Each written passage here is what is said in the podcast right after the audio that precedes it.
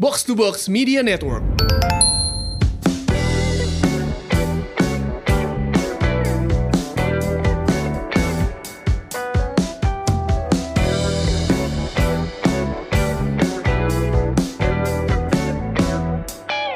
Hai Semurians, welcome back. Ini dia podcast Semur, Sehat Makmur, podcast yang mengajak kamu untuk sehat jasmani dan makmur finansial bersama saya Ligwina Hananto dan rekan siaran saya FX Mario. Hai Mario. Kita sudah masuk di episode 21 nih Win. Halo, 21, halo, halo. Ya. Mar, Hmm. uh, hari ini kita mau bahas diet myth um, Oke. berhubungan dengan uh, lu kan abis ikut sport nutrition course dong. Mari kita Ya, ya, ya. manfaatkan ilmu baru lo itu. Mari kita sharing bersama Semurian. Nggak baru sih ilmunya. Sebenarnya gue udah udah belajar lumayan udah lama udah, juga. cuman perlu justifikasi kan pelajaran informal itu kan Butuh butuh justifikasi.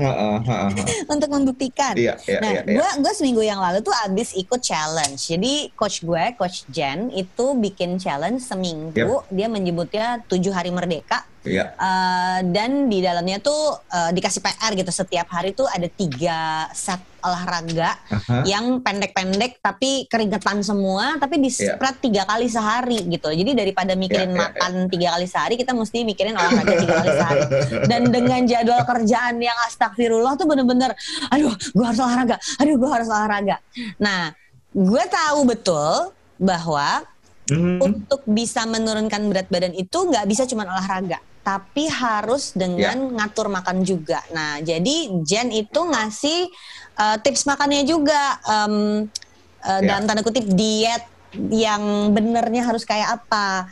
Yang dipotong di hari pertama itu carb sama gula. Iya.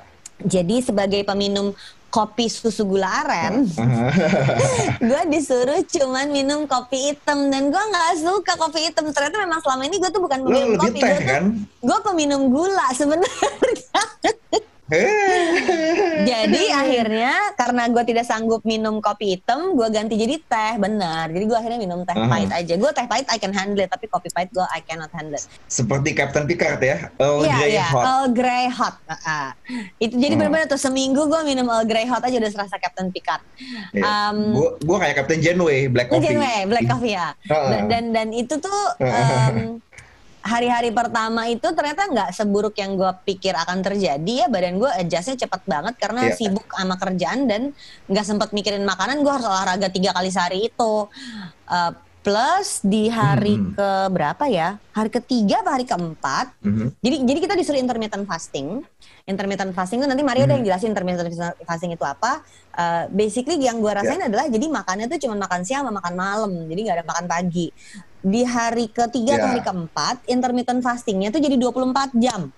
Tapi boleh minum. Wow. Nah, Oke. itu Ya, ya, itu ya, ya. baru denger kata 24 hour fastingnya aja gue udah keder dong. Ya. Tapi ternyata buat badan gue yang biasa puasa muslim tidak pakai makan dan minum, intermittent fasting 24 jam itu nggak berat ternyata. Karena lo masih boleh minum. Yes. Iya, gue itu tuh rasanya tuh cuman kayak puasa tapi lupa sahur, Heeh. tapi boleh minum. Jadi Iya, ternyata iya. badan gue nggak reject gitu untuk si 24 hour fastingnya. Dalam seminggu turunnya 3 kilo. Mhm. Dan gue tahu ini kan cuma kayak one off one off aja ya. Tapi tapi itu tuh kayak bantu Iya, gue iya, iya. untuk hey I can do this ternyata if I put my mind to it I can handle Iya. this gitu. Karena gue orang yang susah Betul. banget untuk konsisten gitu. Ya, ya, ya, ya, ya, ya, ya, ya. Sebenarnya macam-macam diet tuh jadi apa sih? Kalau pertama deh intermittent fasting aja dulu itu apa? Oke, intermittent fasting dulu ya. Intermittent fasting ya kayak nama kayak, namanya itulah eh, itu sebenarnya puasa gitu kan. Lo boleh eh, kalau kalau puasa muslim kan ya udah dari mulai dari sahur sampai eh, maghrib. Maghrib. mm-mm. Intermittent fasting lo boleh pilih mau lo tidak makan pagi kayak yang lo pilih kan lo nggak makan pagi gitu kan. Lo eh, lo milih nggak makan pagi tapi siang sama malam lo makan. Ya. Boleh juga lo pilih misalnya lo makan pagi dan siang, malam nggak makan, nanti balik lagi makan pagi. Yang penting eh, kurang lebih sekitar 12 sampai 16 jam lo tidak makan, eh, tapi Mm-mm. boleh minum. eh, lalu di jendela makannya itu lo boleh lo boleh eh, makan. Gitu. Sainsnya apa Mar? Periode nggak makan itu sainsnya apa? Sainsnya, ketika lo tidak makan uh, kondisi apa tubuh lu itu kan insulin lu rendah banget karena nggak makan. Itu tubuh hmm. mulai mengganti uh, sumber sumber tenaga kita pakai lemak. Jadi tuh uh, pembakaran lemaknya lebih apa lebih banyak ketika periode puasa. Oh gitu. Iya karena ini bukan puasa Ramadan yang diatur jamnya mesti buka dan uh, sahur di jam yang tertentu, lu boleh atur. Kalau kayak gue intermittent fasting, gue juga intermittent fasting seminggu dua tiga kali lah. Tapi tuh gue nggak mm. bisa nggak makan pagi. Gue tuh uh, kegiatan gue banyak di pagi lah. Gue ngelatih pagi, pasti yeah, di jalan yeah. pagi. Kalau gue pagi kelaparan, mood gue tuh jelek banget, nggak enak. Ya, jadi jadi bukan berarti skip breakfast aja ya intermittent fasting itu juga bisa skip yeah. makan malam. Iya, gue kalau malam kan lebih nyantai kan, paling malam cuma nonton uh, sambil main game gitu kan. Itu gue bisa hmm. tuh uh, kondisi nggak makan. Jadi gue lebih memilih, udah gue berhenti makan siangnya di siang atau agak sore, snack dikit. Malam tapi gue nggak makan, tapi gue pagi makan lagi. Jadi cocok-cocokan dong. Kalau gue kan banyak ngajar malam. Uh, kalau gue kan banyak ngajar malam. Yeah. Jadi justru gue malam Betul. tuh harus udah makan. Kalau enggak gue error. Iya. Kalau gue karena banyak di pagi, gue pagi mesti makan. Oke, itu satu teknik intermittent fasting. Uh-uh. Uh, tadi lu bilang tidak dilakukan tiap hari, sekali-sekali aja. Kalau kalau buat gue, kalau gue tiap hari melakukan intermittent fasting, gue akan lemes. Gue kan olahraga gue juga lumayan berat. Jadi kalau ketika kalau gue tiap hari intermittent fasting, gue malah uh, I didn't perform well in my workout. Gue malah nggak happy. Jadi uh, mendingan gue di saat gue rest day, ketika kebutuhan kalori gue tidak terlalu tinggi, gue sekalian intermittent fasting gitu. Oke, caranya gitu. Dan ini kan intermittent fasting cuma mengatur kapan lu makan. Kapan uh, lu boleh makan pagi, boleh makan siang, atau lu boleh makan siang, makan malam, tapi tidak sarapan atau tidak makan malam. Tapi yang lebih penting lagi dalam intermittent fasting adalah lu harus makan yang sehat tetap. Jangan ketika intermittent fasting, eh, ketawanya kenceng banget loh.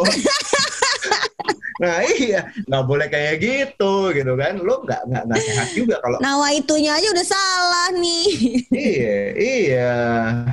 Karena intermittent fasting cuma mengatur kapan, lo tapi tetap harus mengatur apa yang lo makan itu tadi. Uh, tetap aja harus seimbang kar eh, karbohidrat, protein, sayur, uh, buah uh, dengan dari sumber-sumber yang sehat.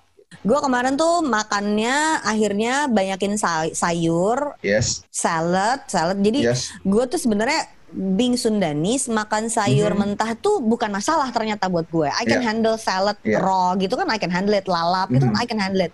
Um, yang gue berat itu adalah ketika gue tidak ketemu karbo karena gue cinta karbo gitu. Itu yang yang menurut gue bikin yeah. uh, body weight gak tidak sesuai yang gue inginkan. Nah kemarin tuh uh, berhenti nasi sama sekali, berhenti roti sama sekali, sementara dagangan mertua mertua gue tuh enak-enak banget dari cookies, si Korean cream cheese garlic bread tuh seminggu seminggu cuma gue tatap-tatapin doang, oh, oh. tapi uh, akhirnya gue boleh makan ubi cilembu dan itu enak hmm. banget, gue suka banget. Enak banget, ubi cilembu tuh enak banget, sumber hmm. sumber karbohidrat yang baik, ubi itu sumber karbohidrat yang baik itu yang karena disebut kompleks karb itu kompleks karb betul. Uh, uh-huh. Jadi dia tuh bukan apa jadi uh, karbohidratnya lebih lama dipecah karena ada seratnya, tidak menaikkan gula darah dengan cepat uh, sehingga kenyangnya juga lebih lama gitu. It's a yeah. very good source of protein, eh karbohidrat kok itu si ubi cilembu. Soalnya gue nggak gitu suka nasi merah. Kalau kalau makan nasi merah hmm. tuh gue maunya sebakul juga, jadi sama juga bohong menurut gue. Uh -huh. Tapi kalau si um, ubi cilembu itu dengan sepotong kecil aja, I can last for hours gitu. Jadi gue berdamai yeah, iya. dengan yeah. dengan itu. Craving karbohidratnya nggak terjadi ya Win ya? Iya nggak, jadi tetap ada gitu, tetap ada karbo yang gak yeah, makan. Yeah, jadi yeah. bukan kayak anti karbo gitu enggak. Nah yang menariknya yeah, kan adalah yeah. tadi kita udah bahas intermittent fasting itu kan mengatur kapan kapan makan. Terus tadi yeah, kata-kata yeah. lo yang penting adalah selain ngatur kapan makan, apa yang lo makan. Nah, yeah, yeah. ada diet-diet yang ngatur apa yang dimakan kan, Mar? Kayak betul, paleo, betul. keto, Kayak paleo, uh, keto, apalagi ya? vegan. ya? Vegan, terus kemarin yang sempat yes. uh, mayo lah apa gitu macam-macam. Mayo. Lu, lu pernah keto kan? Laki gue juga pernah keto dan turunnya banyak banget. Itu apa sih sebenarnya? Keto itu jadi uh, lu makan jadi gini kan uh, makanan itu ada tiga, tiga nutrisi makro karbohidrat protein dan lemak gitu kan hmm. nah keto ini fokus di uh, konsumsi lemak uh, dan sedikit protein dan hampir tidak ada karbohidrat jadi karbohidratnya dibikin hampir nol deh Tapi kadang-kadang lu kan masih makan sayur, masih masuk karbohidrat itu masih boleh dibatasin sampai Iya. eh, berapa gram sehari. Prote eh, jadi diimbang apa tinggi di lemak dan di medium protein. Nah, buat menurunkan berat eh, berat badan emang emang cepet banget gitu. Tapi ada pay, ada ada trade off-nya nih. Ketika lu tidak makan karbohidrat, karbohidrat itu kan sumber tenaga ya. Iya. Lu bisa aja kehilangan tenaga. Badan eh, membutuhkan itu dong. Iya, badan masih tetap butuh. Kalau gue ngeliatnya badan masih butuh karbohidrat. Ini pe- pengalaman gue ya. Gue juga pernah keto. Gue turun banyak banget. Tapi gue Mhm. jadi nggak kuat ngangkat berat, Win. Gue biasanya dulu, uh, gue iya. dulu gue kettlebell swing. Misalnya gini, ini contohnya ya. Gue pernah waktu itu kettlebell swing di 24 kilo deh biasanya gue. Nah, ketika gue makan, gue gue keto, gue nggak kuat ngangkat 16 Iya. kilo aja berat banget buat gue. 16 Benar. kilo berat banget. Jadi bener-bener apa yang kebetulan masuk ke badan lu tuh mempengaruhi performance Mhm. kalau kita Iya. uh, olahraga ya. Iya, nah tapi itu kan olahraga gue olahraga gue high intensity. Kalau olahraga lu low to medium intensity, let's say lu jogging, lu sepedaan santai, masih bisa tuh. Lu kan nggak butuh energi yang burst of energy yang Iya. uh, kenceng. Itu masih Tapi- bisa kalau buat kita. tapi nggak bisa long run. juga. Gue udah pernah nyobain nggak Iya. bisa long run. Nah, iya kayak gitu. Eh, ada batasan a- apa ada ada ada hal-hal yang lu korbankan kalau lu memilih eh, keto karena tet- eh, badan lu sebenarnya tetap butuh karbohidrat. Tapi kalau cuma mau kalau buat nurunin berat badan jangka waktu pendek boleh deh. Tapi kalau buat eh, jangka waktu panjang gua nggak berani menyarankan keto ketogenic diet ya gitu. Ya, ada yang ngerjain itu untuk dua bulan, tiga bulan gitu ya, Mar. Ya, ya. Jadi gue sebenarnya pertama kali kenal ketogenic diet tuh dari teman-teman gue yang bodybuilder. eh, ketika mereka, jadi kan kalau di bodybuilding tuh ada fase bulking, gedein badan, makan banyak, latihan berat, badan udah gede. Terus ketika mereka mau tanding, mereka fase cutting, nurunin kadar lemak, eh, biar pas lagi foto-foto lagi kompetisi itu bagus. Nah mereka biasanya ketogenic tuh. Nah tapi begitu begitu program apa begitu kompetisinya selesai, mereka balik lagi diet yang normal gitu. Dasarnya jangan ikut-ikutan sih, lihat juga ya orang tuh sebenarnya ngambil keto tuh di awal tuh karena apa, ada kebutuhan apa. Kalau Iya, paleo apa, betul. Mar? Kalau paleo itu juga mengatur apa yang lo makan, tapi eh, paleo itu lebih ke eh, dari sumber yang mana gitu. Paleo itu jadi eh, ceritanya tuh dibilangnya waktu nenek moyang kita masih berburu dan meramu itu kan kita nggak ada proses food nih. Ya. Nah jadi eh, jadi sejauh, sebisa mungkin jauhi proses food, makan senatural mungkin. Eh, karena dulu ketika kita masih di zaman paleolitikum juga tidak ada gula ya gula batasin hanya dari sumber-sumber buah gitu. Eh, kalau gue so far sangat cocok dengan paleo karena itu eh, dia tidak membatasi makronutrisi tapi membatasi sumber yang lebih sehat aja deh gitu. Mar, Mar, pertanyaan gue ya, Hmm. masakan Indonesia itu kan cara kita masak itu fresh food ya. Ya. Itu masuk paleo nggak sih? Eh, kalau kayak makan dengan banyak sayur, banyak lalapan bisa masuk paleo. Iya nggak sih? Iya iya kan. Eh, Jadi sebenarnya nggak usah iya, terlalu iya, pusing iya. dengan kata paleonya ketika lu memang selalu masak dengan makanan yang bahan bak bahan bahan makanan Fresh. fresh gitu kan Iya. sebenarnya. Iya, nggak digoreng, eh, mentok ditumis lah, tumis masih boleh gitu. Eh, Sebenarnya kan jenis apa cara masak itu banyak banget ya. Lo ada goreng, tumis, rebus, kukus, eh, atau dimakan mentah. Kita cuma gitu. tahu goreng doang biasanya ya Mar, padahal ada banyak cara memasak. Iya, ada banyak cara masak. Ada rebus, kukus, tumis, bakar, panggang. Nah itu semua juga sehat gitu kan. Gue pakai air fryer loh sekarang. se- Widih, mantap. Gaya banget Listriknya tuh. nanti. eh. Kita lihat ya akhir bulan listrik lo naik nggak? Oh udah, kemarin tengah Udah. malam Toto meledos itu eh, pulsanya habis. jadi lagi gue yang mas listrik mati, jadi dia harus turun ke bawah buat masukin pulsa listrik lagi tengah malam gara-gara gue masuk air fryer. Kita udah nyobain, eh, kami udah Ah. nyobain eh, air fryer itu untuk bikin ayam goreng ala Korea, terus sudah pernah buat steak, udah nemu cara yang Iya, bikin iya. steaknya tuh jadi nggak kayak jerky kan kalau terlalu lama di air fryer juga terlalu eh, kering nggak jadi moist ah, kan jadi Mm. kayak Terus ada satu nih. dendeng. yang menarik si ayam kalau dimasukkan air fryer Mhm. tuh jadi dry banget dan nggak enak Ya, dikasih ya. apple cider vinegar jadi empuk loh oh ya sungguh Oh. aneh tapi nyata. Mm-mm, beneran berhasil. Kalau gue triknya gue balurin pakai itu tepung tepung jagung apa? Tepung maizena. Tepung maizena Oh, itu oke. bikin ayamnya tetap moist kalau gue tumis. Gue biasanya begitu. Ya kan dada ayam tuh protein yang protein yang sangat membosankan ya. Ya itu materi buat materi buat diet yang ya udah kemarin tuh gue seminggu itu gue beli ayam dada terus gue potong-potong terus gue masukin ke dalam kulkas untuk satu porsi satu porsi satu porsi. Soalnya gue nggak bisa Iya, menahan iya. emosi makan ketika lihat masakan rumah yang dibikin mbak sama mertua gue tuh enak banget. Jadi gue di pojokan dengan makanan gue sendiri Mar Mar. Dari semua dari semua em, teknik-teknik diet yang macam-macam ini, gue tuh Mhm. menemukan satu kata kunci dan kayaknya ini pernah kita bahas di Twitter. Oh, Kalori defisit, ya nggak sih? yes, yes, kalori defisit. Gue dulu pernah pergi ke dokter Grace, teman gue yang memang tekniknya adalah Mhm. ngitung Mhm. kalori. Tapi kalau lihat dari ya, ya Ya. keto, paleo, atau intermittent fasting, gue perhatiin memang Hmm. ada hitungan kalori defisit yang akan menyebabkan turun berat badan, bener gak? Iya, benar. Jadi gini, kalau tadi kita intermittent fasting ngomongin kapan kita makan. Eh, misalnya keto dan paleo tuh fokus di apa yang kita makan. Kalau kalori defisit ini seberapa banyak kita makan, gitu kan? Eh, Iya. Kalori bisa ada kalori surplus, bisa ada kalori defisit. Jadi intinya ketika lo makan melebihi kebutuhan kalori harian lo, berat lo naik. Ini mungkin kalau orang-orang yang kurus atau butuh naikin berat badan eh, bisa kalori surplus. Kalau ada kebutuhan nurunin berat badan ya kalori defisit. Itu biasanya gue saranin sebenarnya kalori defisit itu eh, nggak perlu terlalu jauh, eh, nggak terlalu nggak perlu terlalu jauh eh, turunnya gitu. Mm-mm. Misalnya kebutuhan kalori lo sehari 2000, lo turunin aja 10% sehari makan 1800 turun kok pasti berat badan lo. Pelan-pelan. Gue sih ngeliatnya gitu ya. Pelan-pelan aja biar nggak terlalu tersiksa juga. Masalahnya kan si Korean cream cheese itu 800 kalori, Mar. Oke. Oke. Itu setengah kebutuhan kalori harian lo gitu ya. Habis itu lu gak boleh makan apa-apa lagi. Gue Ah, kemarin iya. waktu waktu program yang tujuh hari kemarin itu waktu challenge eh, disuruh ngitung seribuan kira-kira dan ternyata memang tanpa minum es kopi, tanpa teh tanpa ah. gula, tanpa makan nasi, tanpa sarapan roti terus dikasih butter yang tebel. Iya. Itu gua gua Iya, kayak iya. eh iya ya kalorinya kok hilang gitu loh. Jadi memang memang Ah. cara kita hidup sih yang yang akan membentuk Iya. badan kita jadi seperti apa itu kerasa banget gue Iya. ngelihatnya kayak gitu. itu itu ada teorinya juga namanya uh, Sih. kalori density kalori Nah. density jadi seberapa padat sih makanan itu isi kalorinya. Let's say satu Korean garlic uh, cheese itu 800 kalori. Lu bandingin sama lu misalnya makan selada doang deh.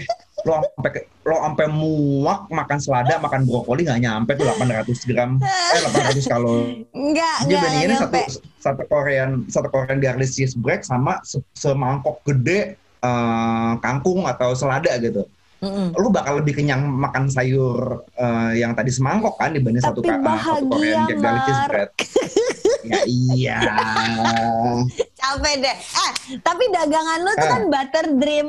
Mario ini Iya, emang, betul. profesi boleh coach, tapi dia dagangan kue-kue lebaran. The triumvirate of kastengel, nastar, dan putri salju. Putri salju. Coba jelaskan ini dietnya gimana. eh by the way enak banget kalian harus nyobain. eh udah, jadi kayak waktu itu gue pernah, oh yang waktu itu gue pernah gue tweet juga ada ada satu temen gue nanya, eh ini gue kalau kalau beli kue lo gue mesti olahraga berapa banyak? ya. Gue nggak bisa jawab.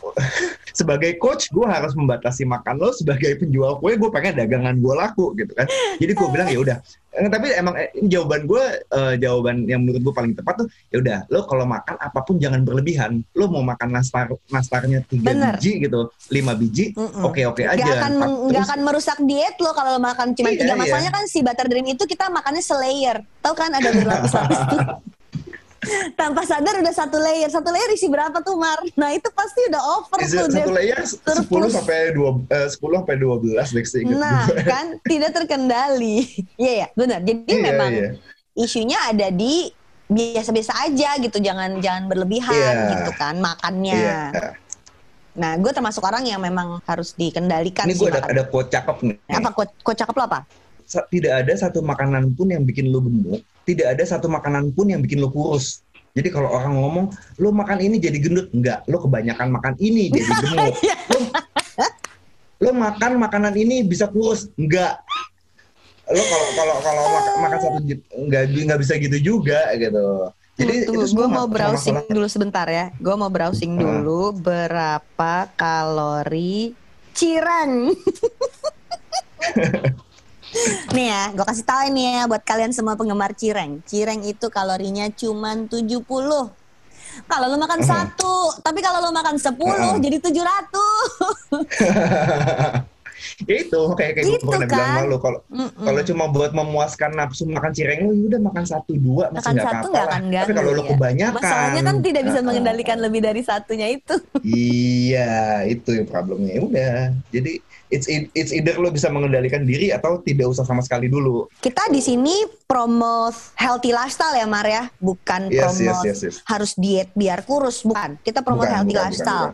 Gue merasa secara sadar menyadari kalau gue overweight karena berat badan gue itu Mhm. 67 kemarin turun sampai jadi 64 padahal tinggi Mhm. badan gue cuma 150 Mhm. cm.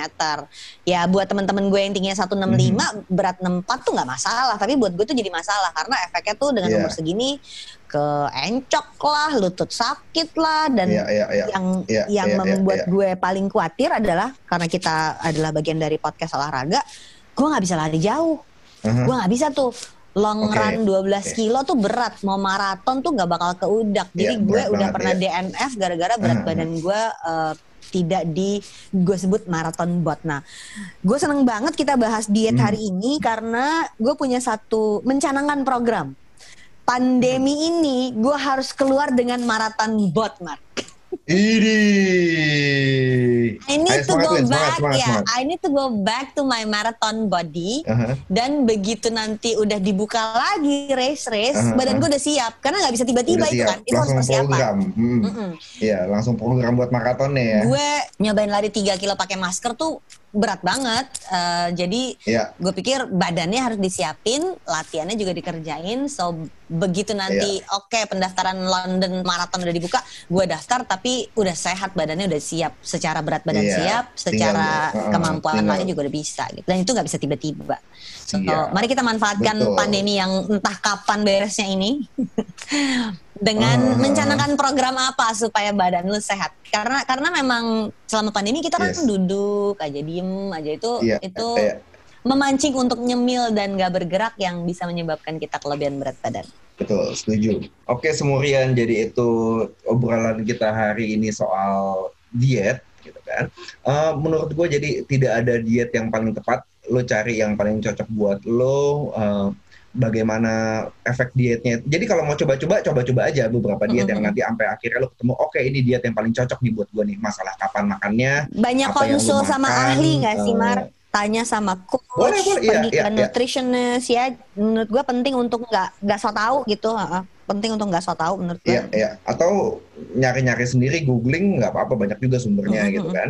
Eh, tapi kalau lo mau lebih pasti lagi, pergilah ke ahlinya. Thank you Mario udah bahas tentang diet hari ini. Ini seru banget menurut gue. Yes, yes, yes. Thank you juga Semurian yang udah dengerin. Oke Semurian, thank you for listening. Segitu aja obrolan kita tentang diet. Saya FX Mario bersama rekan saya. Saya Ligwina Hananto. Buat apa sehat tapi nggak punya uang? Buat apa makmur tapi sakit-sakitan? Live long, Live long and prosper. Bye. Bye-bye.